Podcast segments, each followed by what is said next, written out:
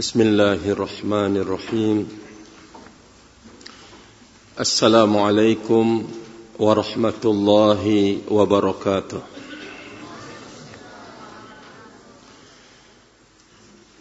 إن الحمد لله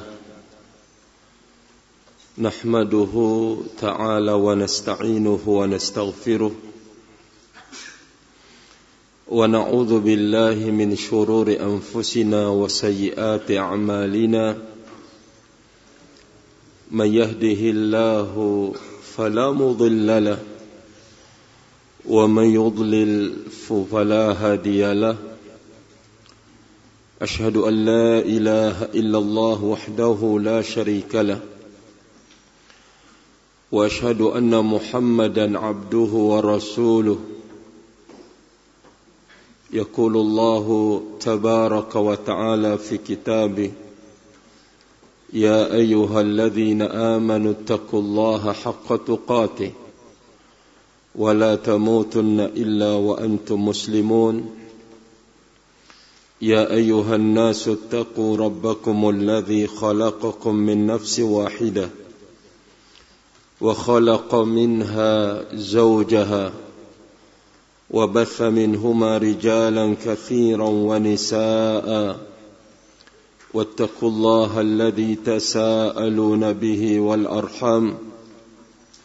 إن الله كان عليكم رقيبا. يا أيها الذين آمنوا اتقوا الله وقولوا قولا سديدا. يصلح لكم أعمالكم. ويغفر لكم ذنوبكم ومن يطع الله ورسوله فقد فاز فوزا عظيما. فإن أصدق الحديث كلام الله وخير الهدي هدي محمد صلى الله عليه وسلم وشر الأمور محدثاتها وكل محدثة بدعة وكل بدعة ضلالة وكل ضلالة في النار معاشر المسلمين dan muslimat para penuntut ilmu yang saya hormati dan yang dimuliakan oleh Allah Subhanahu wa taala Alhamdulillah sebuah perkara yang sangat menyenangkan dan menyejukkan hati. Di saat seseorang itu bertemu dengan saudaranya fi taatillah dalam ketaatan kepada Allah Azza wa Jalla. Karena pertemuan seorang muslim dalam sebuah ketaatan itu memiliki arti yang sangat besar. Ketaatan bila dipikul bersama-sama dan beramai-ramai dengan satu tujuan dengan satu kemauan dan keinginan ikhlasan lillahi azza wa jalla menjadi sebuah magnet yang sangat kuat dalam mendekatkan diri kepada Allah azza wa jalla pertama dan untuk memetik apa yang kita harapkan dan butuhkan di dalam hidup ini dari Allah Subhanahu wa taala. Rahimani wa rahimakumullah jami'an sekali lagi sebuah kebahagiaan yang sangat. Di saat Allah Azza wa Jalla mempertemukan kita dengan saudara kita mempertemukan kita dengan sesama manhaj dan akidah di sebuah tempat yang terbaik di muka bumi yaitu rumahnya Allah Subhanahu wa taala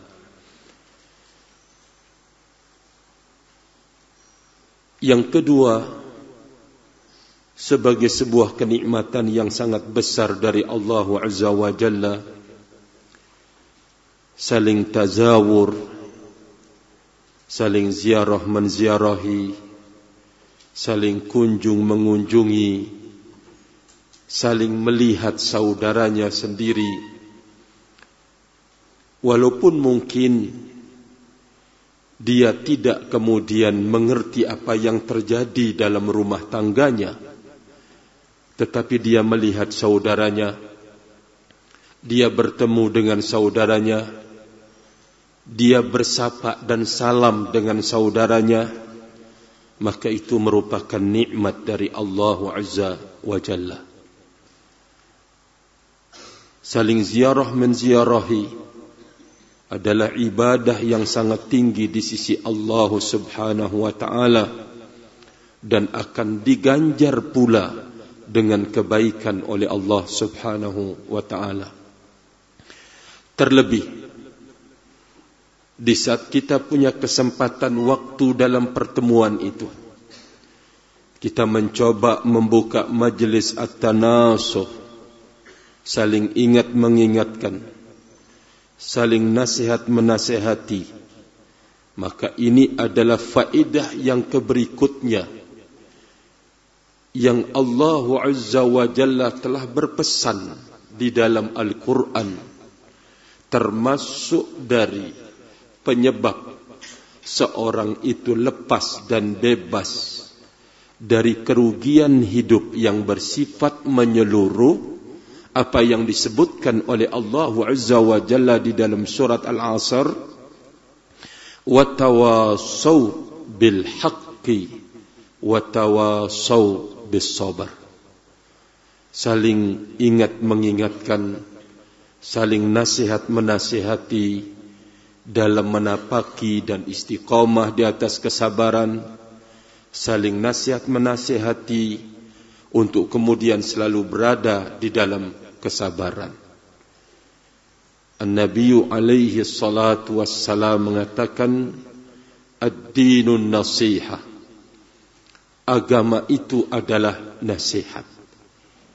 Ini semuanya akan bisa kita dapatkan dan petik di saat pertemuan itu atau perjumpaan itu kemudian berada di dalam sebuah majlis. Rahimani wa rahimakumullahu jami'an. Kita berharap kepada Allah Azza wa Jalla.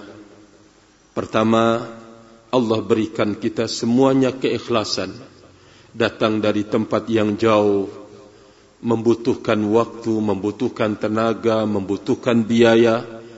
Semoga perjalanan itu memang semata-mata dipanggil ingin mencari ridhonya Allah Azza wa Jal. Terlebih pesan Nabi kita alaihi salatu wassalam kepada usaha yang seperti ini. Dalam sabdanya man salaka tariqan yaltamisu fihi ilma sahhalallahu lahu bihi tariqan ilal jannah. Siapa saja yang berjalan dalam rangka mencari dan menuntut ilmu maka Allah azza wa jalla akan gampangkan akan mudahkan jalannya menuju surga Semoga apa yang kita lakukan berangkat dari rumah membutuhkan waktu, kelelahan dan kecapean setelah kita bergelut dengan dunia. Semoga diberikan keikhlasan oleh Allah Azza wa Jalla. Allahumma amin. Dan yang keberikutnya, semoga pertemuan ini diberikan barokah oleh Allah Subhanahu wa taala. Allahumma amin. Allahumma amin. Ma'asyiral muslimin yang saya hormati dan yang saya muliakan berangkat dari hadis Nabi sallallahu alaihi wasallam tadi ad-dinun nasiha kita sama-sama saling ingat mengingatkan saling bertegur sapa melalui majlis ini Allah azza wa jalla telah memberikan kepada kita beragam-ragam nikmat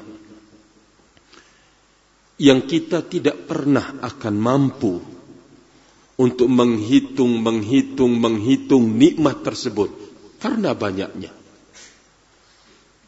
Dan kita tidak akan punya kemampuan pula untuk mensyukuri seluruh nikmat Allah tersebut karena banyaknya dan karena kemampuan kita terbatas.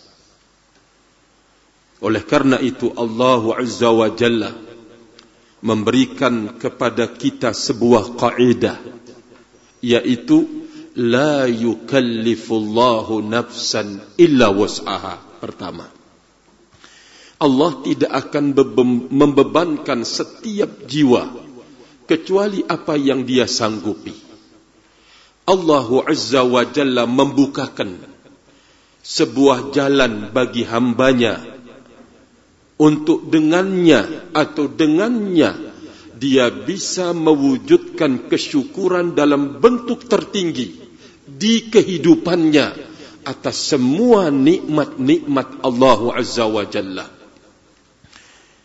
Kita semuanya memahami bahwa Allah Azza wa Jalla telah memberikan langkah cara untuk kemudian kita bisa mensyukuri semua nikmat-nikmat itu atau apa yang Allah berikan ini atau perintahkan ini merupakan lambang kesyukuran hamba terhadap nikmat-nikmat-nikmat yang diberikan oleh Allah Azza wa Jalla.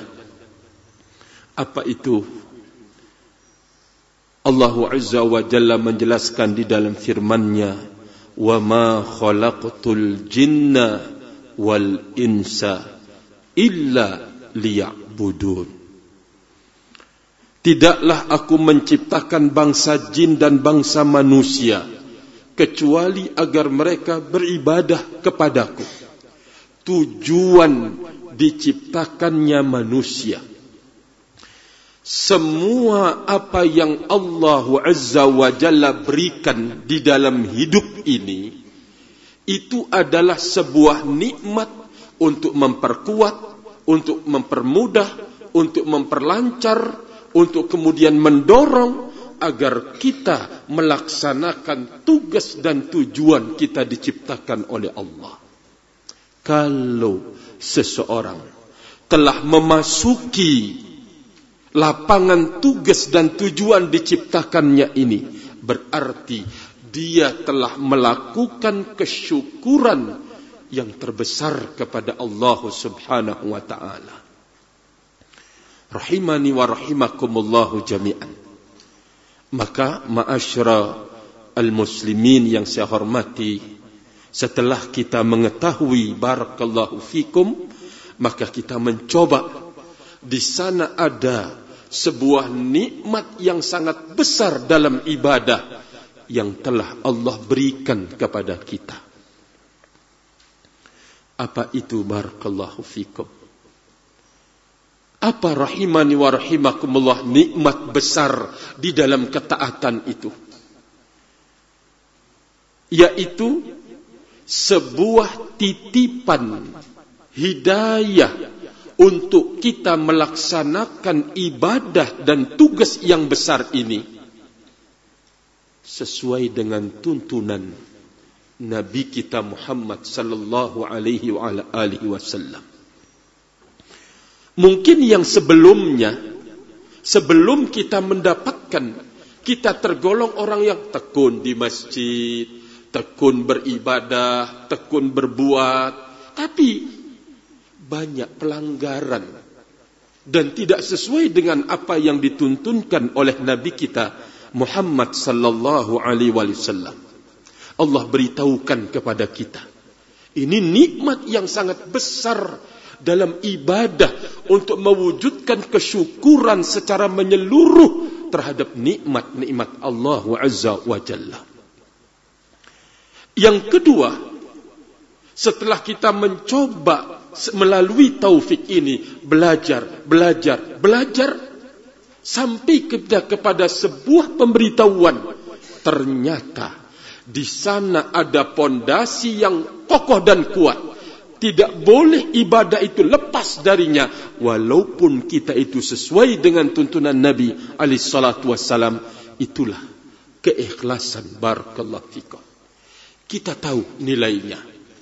Dan setelah mendapatkan taufik pula kita bisa untuk membawa diri kita menjadi orang yang tulus dan ikhlas. Di tengah jalan gagal. Dengan taufik itu kita bisa bangkit lagi. Di tengah jalan ternodai. Dengan taufik itu kita bisa kembali beristighfar kepada Allah, menutupnya apa yang telah merusak keikhlasan. Ini juga taufik dari Allah Azza wa Jalla. Setelah kita kemudian Allah berikan semuanya ini, berarti ini adalah nikmat yang sangat besar yang butuh penjagaan yang butuh untuk kemudian kita berikan benteng lalu kita sekat di dalamnya. Apa sih benteng untuk ke arah itu semua? Jawabannya adalah kita bersemangat terus belajar ilmu dan mengamalkan ilmu agama. Karena bila seseorang tidak melakukan ini, mesti dia akan tersesat. Punya ilmu tidak beramal, tersesat. Akan hancur semuanya itu. Ibadahnya, apalagi mau menjadi ikhlas. Dia beramal tetapi tanpa ilmu juga demikian. Maka penjagaan dan perlindungannya itu adalah ilmu dan amal. Maka oleh karena itu, ma'asyiral muslimin, yang saya hormati dan yang saya muliakan berangkat dari perlindungan yang besar ini kita mencoba untuk kemudian mengkaji mendalami lebih jauh lagi titipan Allah Azza wa Jalla berbentuk nikmat yang lain yang juga besar. Apa yang dikatakan oleh Allah Azza wa Jalla dalam firman-Nya Al-yawma akmaltu lakum dinakum wa atmamtu alaikum ni'mati wa raditu lakumul islam dina tadi sudah kita sebutkan Allah telah berikan taufik kita ke dalam agamanya ibadah. Setelah itu Allah beritahukan kepada kita bahwa ternyata ibadah yang kita kerjakan itu harus terbangun di atas tuntunan dan bimbingan kemudian di atas keikhlasan dan ini adalah nikmat yang besar. Perlu dijaga dan perlu dipelihara dengan ilmu dan amal. Allah Azza wa Jalla telah memberitahukan kepada kita bahwa ilmu agama ini telah sempurna. Pengamalan agama itu sudah sempurna pula teladannya dari Nabi kita Muhammad sallallahu alaihi wa ala alihi wasallam. Oleh karena itu, setelah kita sekarang mengetahui bahwa semuanya telah sempurna, menunggu taufik dari Allah Azza wa Jalla dan kita telah mendapatkannya, ketahuilah di saat kita mengetahui bahwa agama ini sebagai ilmu dan amal sudah disempurnakan oleh Allah Azza wa Jalla. Allah meminta dari kita semuanya untuk ikut andil menjaga dan melindungi kesempurnaan agama ini. Kesempurnaan ilmu dan amal di dalam agama ini. Kita dituntut dan diminta oleh Allah Azza wa Jalla untuk kemudian menjaganya, ikut andil memeliharanya. Bagaimana? Nanti kita akan sebutkan. Ternyata siapapun yang melibatkan diri dalam ketaatan dan ibadah ini, dia jaga, dia pelihara, dia hidupkan, dia pelajari, dia ilmui, lalu dia dakwahkan itu adalah termasuk orang-orang yang membela agama Allah Azza wa Jalla dan Allah persiapkan bayaran kontan di dunia. Rahimani wa rahimakumullahu jami'an. Sekarang bagaimana?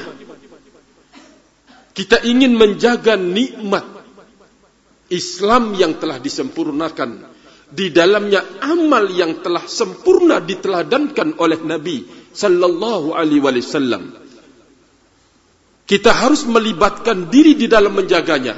Maka apa yang kita lakukan pada malam hari ini? Apa yang dilakukan oleh anak-anak kita? Belajar tuntunan, belajar ilmu apa yang dilakukan oleh istri kita di rumah mengajarkan atau dia melakukan apa yang memang telah ada tuntunannya semuanya itu adalah gambaran pertolongan dan bantuan dalam menjaga kesempurnaan agama itu agama Allah Subhanahu wa taala dan kita harus merasa Hal ini barakallahu fikum. Agar jangan minder hidupnya. Tapi kita merasa bahwa kita ini dimanapun kita berada. Kita berada di pasar. Dengan memakai pakaian yang Masya Allah mewujudkan ketakwaan. Yang dengan pakaian ini ada rasa malu untuk melakukan kejelekan-kejelekan misalkan. Ini semuanya adalah gambaran penjagaan dan pemeliharaan terhadap nikmat Allah Azza wa Jal. Dan dia telah menyodorkan dirinya untuk ikut andil di dalam menjaga ilmu agama tersebut. Dalam menjaga amalan-amalan di dalam Islam barakallahu fikum dimanapun berada. Ini yang harus kita tanamkan pada diri kita sendiri. Ma'asyiral muslimin yang saya hormati dan yang saya muliakan. Dan harus kita merasa bahwa kita ini sedang membela dan berjuang. Anak-anak kita kita serahkan untuk dididik di dalam agama Islam. Putri-putri kita kita titipkan untuk dia diajari ini semuanya adalah bentuk pemeliharaan dan penjagaan kita terhadap agama Allah. Melibatkan diri untuk melindungi nikmat Allah Azza wa Jalla yang besar ini yang Allah telah sempurnakan. Barakallahu fikum penyampaiannya dan pengamalannya melalui bimbingan dan teladan Nabi kita Muhammad sallallahu alaihi wa ala alihi wasallam. Ini yang harus kita tanamkan pada diri kita. Bahwa kita sedang membela, bahwa kita sedang ikut andil berjuang. Sehingga terus punya semangat untuk kemudian mengamalkan tuntunan Nabi sallallahu alaihi wasallam dimanapun kita berada. Menjaganya dimanapun kita berada dalam kondisi apapun dan bagaimanapun kita sedang tampil menjaga agama Allah Azza wa Jalla. Kalau kita sudah memasukkan diri dengan semua perbuatan-perbuatan kita tadi untuk ikut menjaga agama Allah Azza wa Jalla, fa'abshir. Bergembiralah engkau bergembiralah engkau wahai saudara dan saudariku. Dengan firman Allah Azza wa Jalla. Ya ayyuhalladzina amanu in tansurullaha yansurkum wa yuthabbit aqdamakum. Wahai segenap orang-orang yang beriman jika kalian membela agama Allah niscaya Allah Azza wa Jalla akan membela engkau. Kalau teman kita memberikan pembelaan kepada kita kita faham. Ini oh dia bela saya. Pembelaan Allah Azza wa Jalla terhadap hambanya akan mencakup banyak perkara dan banyak hal di setiap kondisi. Mungkin teman kita cuma bisa membela kita di saat itu. Tapi Rabbuna subhanahu wa ta'ala menyiapkan lipatan sebagai ganjaran kebaikan buat hamba-hambanya di dunia akan dibayar dan akan ditabungkan kelak di sisinya dibayar di saat kembalinya kepada Allah Azza wa Jalla bisyartin dengan syarat tadi di depan. Karena ini adalah bentuk pengabdian bentuk ibadah kepada Allah Azza wa Jalla. Dua perkara itu tidak boleh terlupakan. Tidak keluar dari koridor syariat dan selalu dalam ketulusan dan keikhlasan. Allah akan membayarnya barakallahu fikum di dunia sebelum di akhirat terkadang kan kita enggak merasa kalau kita diberikan kemudahan oleh Allah Azza wa Jalla dalam sebuah urusan, kita tidak merasa maaf-maaf saja. Terkadang muncul rasa ujub. Wah hebat teman-teman saya ini. Oh jangan. Barakallahu fikum. Di saat seseorang menemukan ada kemudahan. Padahal tadinya sulit. Beban berat. Tapi dia temukan.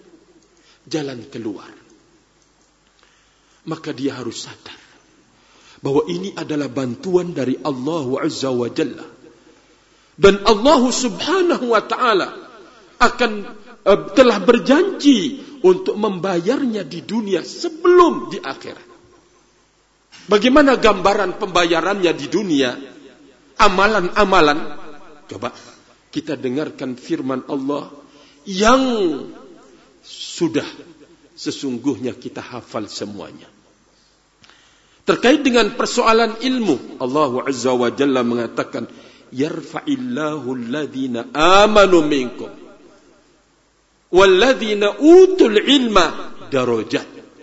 Di dunia diangkat oleh Allah Azza wa Jalla mereka-mereka yang beriman berilmu ke derajat yang sangat tinggi di dunia melebihi para raja, para ini, para itu, melebihi barakallahu fikum di dunia diangkat oleh Allah Subhanahu wa taala. Ayat yang lain yang menjelaskan wa may yattaqillah yaj'al lahu makhraja wa yarzuqhu min haitsu la yahtasib. Siapa saja yang bertakwa kepada Allah Azza wa Jalla Allah akan berikan jalan keluar.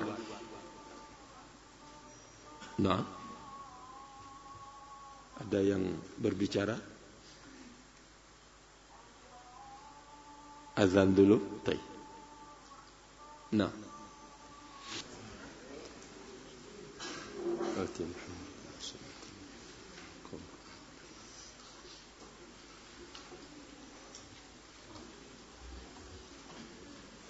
Bismillah. Ma'asyiral muslimin yang saya hormati dan yang saya muliakan. Tadi sudah kita menyebutkan sebuah ayat Al-Qur'an di mana semua pengabdian yang dilakukan oleh seorang hamba akan dibayar oleh Allah Azza wa Jalla di dunia sebelum di akhirat. Ini sesungguhnya merupakan kabar gembira bagi seorang yang beriman kepada Allah. Kabar gembira terhadap orang yang beriman dan dia meluruskan imannya, berislam, dia meluruskan Islamnya. Ini adalah kabar gembira yang sangat besar. Maksudnya bahwa sekecil apa pun sekecil apa pun dan seringan apa pun yang dilakukan oleh seseorang yang telah mendapatkan taufik untuk menjadi orang yang beribadah kepada Allah lurus sesuai dengan tuntunan Rasul alaihi salatu wassalam dan dia mencoba membangunnya di atas keikhlasan karena Allah azza wa jalla tidak akan disia-siakan oleh Allah. Bahkan Allah Azza wa Jalla berjanji satu kebaikan akan dibayar dengan sepuluh bahkan sampai tujuh ratus lipatan bahkan sampai berlipat-lipat. Ini semuanya untuk kemudian menanamkan semangat pada diri kita. Kabar gembira dari Allah Azza wa Jalla bagi kita semuanya dimanapun kita berada tetap punya andil untuk kemudian membela dan memperjuangkan agama Allah. Dengan lisan kita kita bimbing kita menebarkan salam. Dengan lisan kita kita barakallahu fikum ya menasihatkan seseorang. Ini semuanya adalah rangkaian sebuah pembelaan dan pertolongan terhadap agama Allah Azza wa Jalla. Bergembiralah engkau dengan dengan nilai dari Allah Subhanahu wa taala dibayar di dunia ini barakallahu fikum. Terkadang kan kita enggak merasa. Tadi kita sudah ambil sebuah contoh. Wa may yattaqillah yaj'al lahu makhraja. Sekian ayat-ayat Al-Qur'an menceritakan pembayaran nanti di kehidupan akhirat bagi orang-orang yang bertakwa disiapkan tempatnya di dalam surga oleh Allah Azza wa Jalla. Tapi Allah beritahukan di dunia juga dibayar oleh Allah Azza wa Jalla. Bagaimana itu? Allah berikan jalan keluar. Kita sesungguhnya dalam perjalanan coba mulai kita mengenal dakwah sunnah wa dakwah salafiyah. Terlalu banyak sesungguhnya pembayaran-pembayaran ketaatan itu dari Allah Azza wa Jalla. Tapi kan terkadang kita kurang sabar saja. Kurang bersyukur barakallahu fikum. Dan kurang untuk kemudian banyak inabah kepada Allah, bertaubat kepada Allah Azza wa Jalla ketika diuji dengan ujian yang sangat misalkan diuji dari anaknya. Anaknya nakal sekali ya Allah jadi pembicaraan. Barakallahu fikum. Ini anaknya. Allah uji dia dari anaknya. Misalkan nakal sekali. Dia tidak putus asa. Dia mencoba melakukan langkah-langkah langkah-langkah untuk kemudian anaknya itu menjadi baik. Barakallahu fikum. Kalau orang yang tidak mendapatkan bantuan dari Allah Azza wa Jalla, mungkin anaknya itu dihabiskan. Wah, mungkin anaknya itu didoakan dengan doa-doa yang jelek dan buruk kesabaran di saat dia menghadapi ujian. Mungkin kenakalan anaknya itu. Dia sabar. Dia tidak putus asa. Dia terima bahwa ini adalah ujian dari Allah Azza wa Jalla. Barakallahu fikum. Tidak kan banyak kita sering menemukan. Ada orang ketika anaknya. Barakallahu fikum. Nakal misalkan. Ya. Ibu abinya eh, malu semakin menjauh, semakin menjauh, semakin menjauh, hilang. Karena diuji dari anaknya mungkin karena malu terhadap orang-orang gak siap menanggung itu semua. Menjauh, menjauh, menjauh sama anaknya. Hilang. Ada yang demikian. Tapi diberikan kesabaran di saat itu. Dia coba menanggung beban ini adalah ujian dari Allah. Dia mencoba bersamaan dengan dia bersabar, dia mencari langkah-langkah sampai kemudian berangsur anaknya ditanamkan kesabaran pada dia, kemudian pada istrinya, kemudian barakallahu fikum terlihat walaupun tidak banyak tapi kelihatan. Ini semuanya adalah bantuan dari Allah. keluar yang diberikan oleh Allah Subhanahu wa taala. Ujian yang lain ambil barakallahu fikum. Ujian terkait hartanya, ujian terkait barakallahu fikum ya mungkin pekerjaannya dia bisa bersabar. Dia kemudian tetap menjaga hubungannya dengan Allah. Ini sesungguhnya jalan keluar di dalam hidupnya. Tapi terkadang kan kita tidak merasa barakallahu fikum. Maka oleh karena itu Allah Azza wa Jalla telah menjanjikan bahawa semua bentuk ketaatan yang dikerjakan oleh hamba akan dibayar di dunia oleh Allah Subhanahu wa taala. Wa yarzuquhu min haitsu la yahtasib. Allah akan berikan rezeki dari arah yang dia tidak sangka-sangka. Coba perhatikan baik-baik sejarah hidup kita. Di saat kita barakallahu fikum dirundung kesedihan yang sangat karena mungkin mata pencahariannya setelah dia kembali menempuh jalan yang lurus Allah Azza wa Jalla kurangi kalau kemarin wah tapi lewat jalur yang enggak jelas lewat jalur yang haram dan seterusnya sampai kemudian barakallahu fikum dia terlilit hutang misalkan Datang temannya yang Masya Allah. Ia menanyakan perihalnya. Kemudian Barakallahu fikum. Sampai kemudian dia memberikan bantuan. Yaitu untuk menutupi hutangnya dengan hutang Barakallahu fikum yang mungkin apa namanya diberikan kemudahan untuk membayar kapan-kapan saja. Yang penting tutupi hutangmu ini. Bukankah ini adalah rezeki buat dia? Sampai pada akhirnya ketika temannya melihat ya tentang kondisinya, ya sudah tidak usah untuk pikirkan hutang itu saya hadiahkan kepada engkau. Bukankah ini adalah rezeki dari Allah? Tapi kapan? Di saat seseorang itu menjaga dan kelurusan dia dalam menjalankan ibadah dan ketaatan dia kepada Allah Azza wa Jalla rahimani wa rahimakumullah.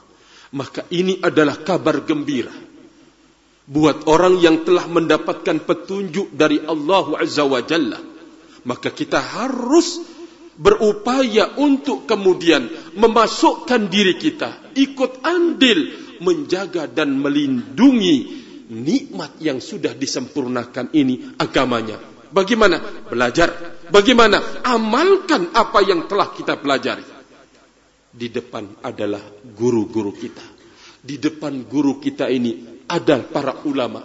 Di depan para ulama itu ada orang-orang yang telah meninggal sampai kemudian mereka-mereka ini yang menjadi penghubung di dalam ilmu ini bersama Nabi kita alaihi salatu wassalam dan Nabi kita alaihi salatu wassalam sebagai wasilah antara diri kita dalam menyampaikan ilmu Allah subhanahu wa ta'ala. Hafidhani wa hafidhakumullahu jami'an. Sekali lagi bahawa setiap ketaatan yang dikerjakan oleh hamba selama dia berdiri di atas ketulusan dan keikhlasan kemudian berjalan di atas tuntunan Nabi sallallahu alaihi wasallam Allah persiapkan di dunia imbalannya sebelum barakallahu fikum di akhirat. Kita masih mendengar sebuah peristiwa ya. Kisah dan cerita mungkin sering disampaikan oleh ustazuna di sini barakallahu fikum terkait dengan kisah ashabul ghar yang berlindung ke dalam gua lalu kemudian disekap di dalam gua dengan batu besar jatuh menutup lubang gua. Kita bisa bayangkan tiga atau batu itu tidak bisa digoyangkan oleh tiga orang. Sementara kisah Nabi adalah umat sebelumnya. Berarti mereka besar-besar. Berarti ya kita bisa gambarkan bagaimana besarnya batu tersebut. Barakallahu fiqam. Rahimani wa rahimakumullahu jami'an. Ini adalah sebuah ujian terhadap tiga orang yang masuk ke dalam gua tersebut. Tidak bisa keluar. Barakallahu fikum. Rahimani wa rahimakumullah. Pelajaran yang sangat berharga. Karena mereka adalah orang-orang yang beriman tidak kemudian menyerah begitu saja. Pasrah barakallah, wis mati sajalah. Mau nelpon ya tidak mungkin. Ya, mau menghubungi siapa? Mau teriak di dalam gua? Mereka jauh dari barakallahu fikum perkampungannya. Mereka orang yang beriman. Dengan keimanannya inilah dia mencoba untuk kemudian mengetuk bantuan dan pertolongan dari Allah Subhanahu wa taala. Dengan apa mereka mengetuknya barakallahu fikum? Dengan apa rahimani wa rahimakumullah jami'an? Ternyata dia meminta mengetuk bantuan dan pertolongan Allah Azza wa Jalla itu dengan amalan yang dia sudah lakukan dan dia sudah kerjakan. Dengan amalan yang sudah dilakukan dan sudah dikerjakan barakallahu fikum. Yang satu mengatakan mengungkapkan barakallahu fikum sebuah amalan besar yang dia telah lakukan yaitu baktinya kepada kedua orang tuanya. Bakti kepada kedua orang tuanya barakallahu fikum. Lalu kemudian dia mengatakan, di hadapan Allah, Ya Allah, in kunta ta'lam, jikalau engkau mengetahuinya, bahwa itu saya lakukan karenamu, Ya Allah, berikan jalan keluar. Allahu Akbar. Mereka tidak punya kemampuan untuk menggoyang batu yang menutup gua tersebut. Tetapi mereka tahu bahwa semuanya ini ada yang mengaturnya adalah Allah Azza wa Jalla. Nah untuk menurunkan bantuan dan pertolongan Allah Azza wa Jalla dengan apa? Dengan doa barakallahu fikum mengangkat amalan yang sudah dikerjakan dan dilakukannya. Sebagai wasilah perantara doanya ini didengar oleh Allah Subhanahu wa taala. Ya Allah, Allahumma in kunta ta'lam. Jikalau engkau mengetahuinya bahwa ini aku kerjakan karenamu baktinya kepada kedua orang tuanya. Maka bukakanlah bantuan dan pertolongan Allah pun turun barakallahu fikum dengan menggeser batu. Kekuatannya tidak mampu. Menggeser batu yang besar tersebut. Namun Allah Azza wa Jalla menggeser melalui sebuah ungkapan doa perantara amal soleh yang dia kerjakan barakallahu fikum. Punya kekuatan yang besar amal seseorang di kehidupan ini.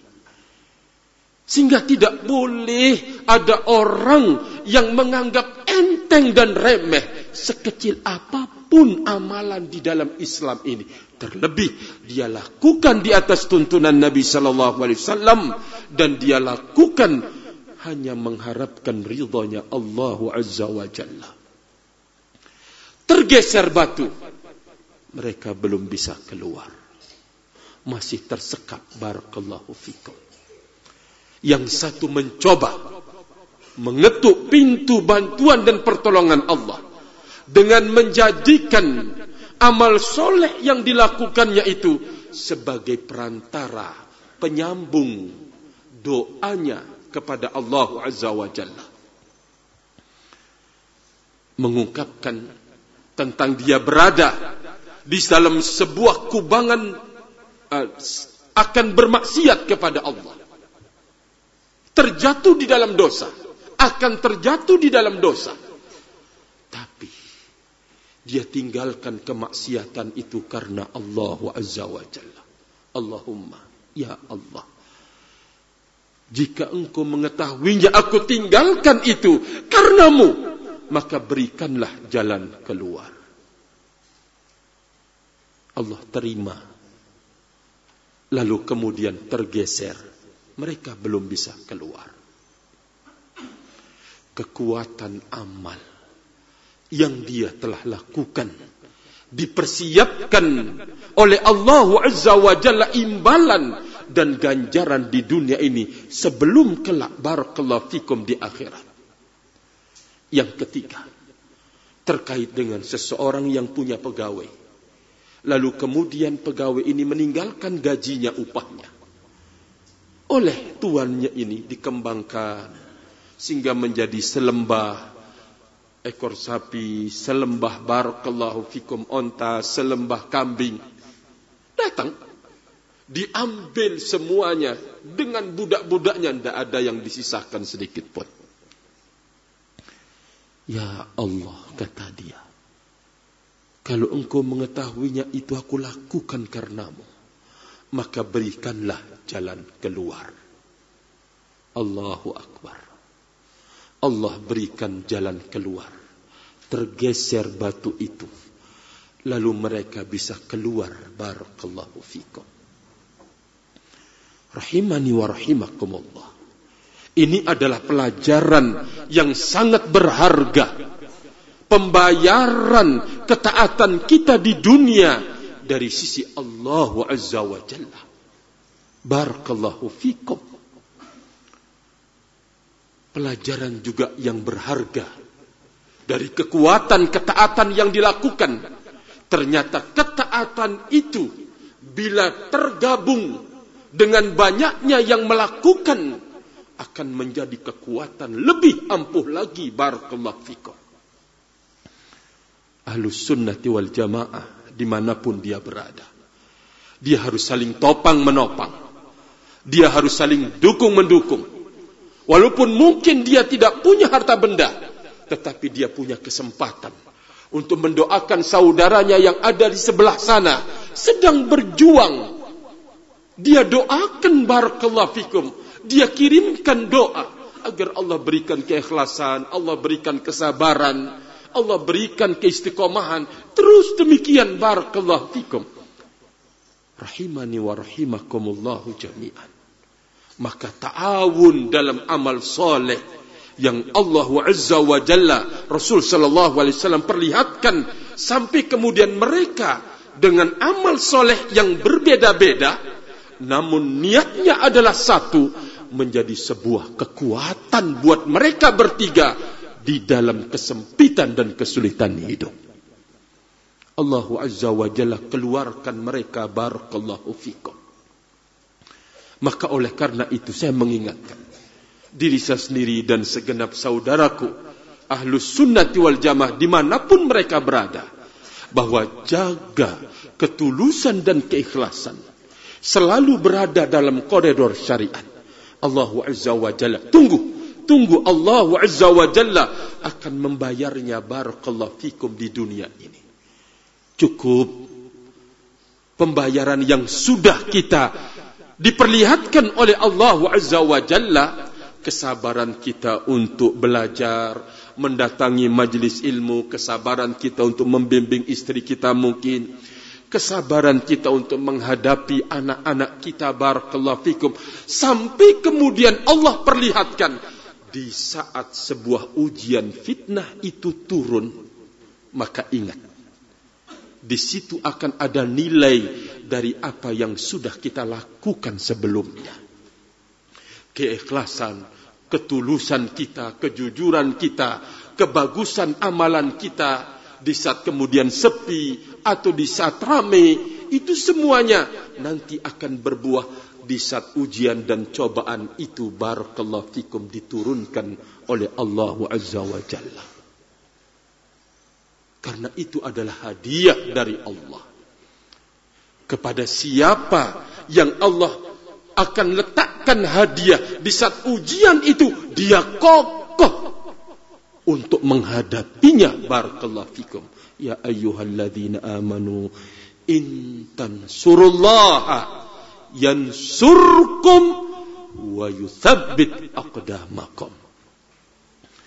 Allah kokohkan kaki-kaki kalian tidak goyang, tidak oleng. Ini adalah anugerah dari Allah Azza wa Jalla. Tapi ingat, anugerah ini tidak turun begitu saja. Dimuqaddimahi dengan amalan-amalan besar. Apa? Engkau belajar ilmu agama. Engkau tuluskan niat untuk belajar padanya.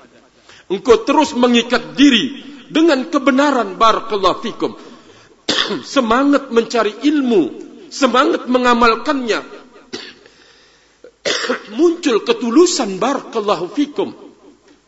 Di situlah buahnya akan didapatkan di saat ujian dan cobaan itu turun barakallahu fikum.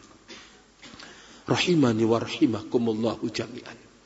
Dan kalau mungkin di hadapan ujian itu kita oleng misalkan ya semoga Allah jauhkan kita. Kita oleng jadilah orang pintar. Apa yang menyebab olengnya ini? Coba periksa lagi. Coba apa yang telah dilakukan? Mungkin di situ ada noda-noda dosa yang dia itu belum bertaubat kepada Allah. Mungkin di situ ada niatan-niatan yang tidak baik. Ingin dekat dengan ustadznya ingin dikatakan ini, ingin itu, ingin ini, coba periksa lagi. Karena itu akan menjadi penentu barakallahu fikum di saat turunnya taufik dari Allah Subhanahu wa taala.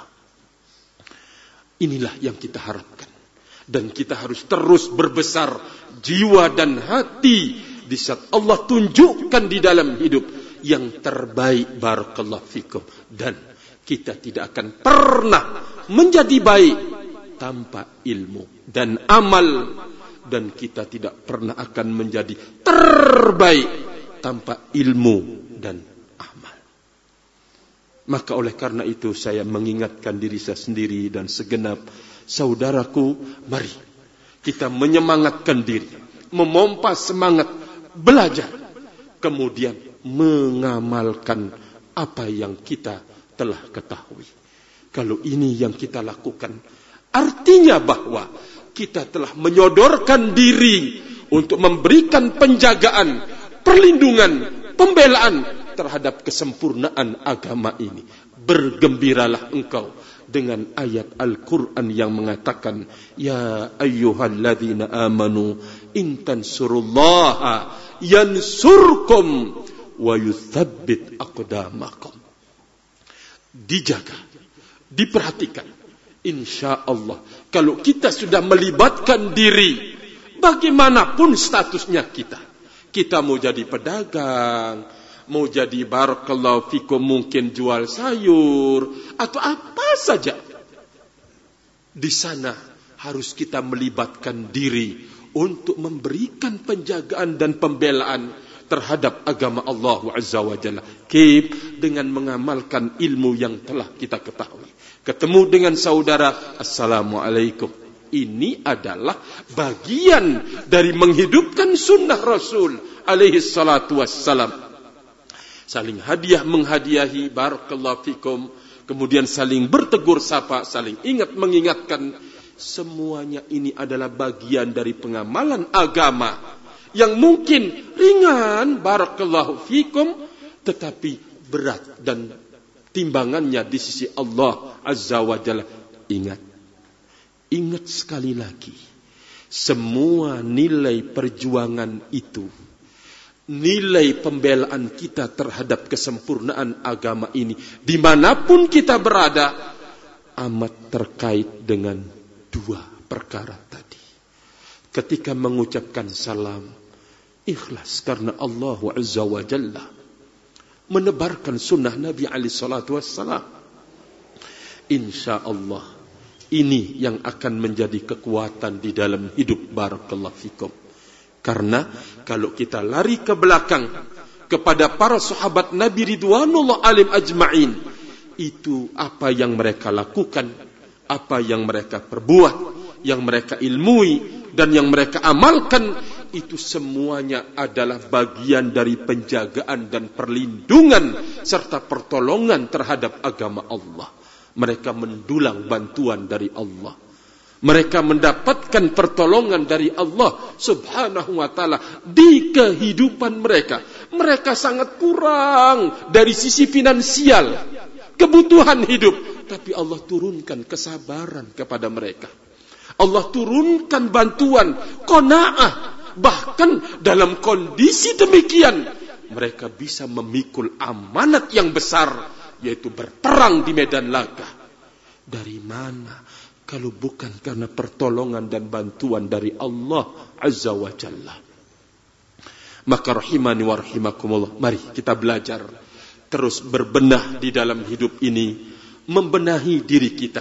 Kita sudah berbenah lahiriah dengan belajar tuntunan-tuntunan Nabi alaihi salatu wassalam.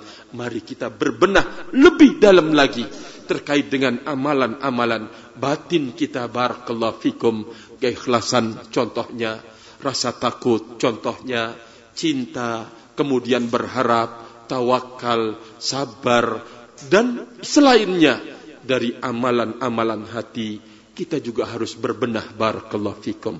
Semoga Allah Azza wa Jalla sekali lagi memberikan ketulusan kepada kita semuanya barakallahu fikum dan dari majlis ini kita mengucapkan banyak-banyak terima kasih kepada siapapun yang menjadi penyebab kebaikan ini terwujud dan terlaksana. Semoga Allah Azza wa Jalla memberikan kepada mereka keikhlasan barakallahu fikum dan menggantikan apa yang mereka telah korbankan lebih banyak di dunia ini dan juga kelak di sisinya. Allahumma amin, Allahumma amin. Mungkin ini yang bisa saya sampaikan pada kesempatan kali ini sebagai nasihat buat diri saya sendiri dan saudaraku kaum muslimin yang saya hormati. Wa akhiru da'wana anilhamdulillah. Subhanakallahumma bihamdika. Ashadu an la ilaha illa anta. astaghfiruka wa إليك ilaik. عليكم ورحمة الله وبركاته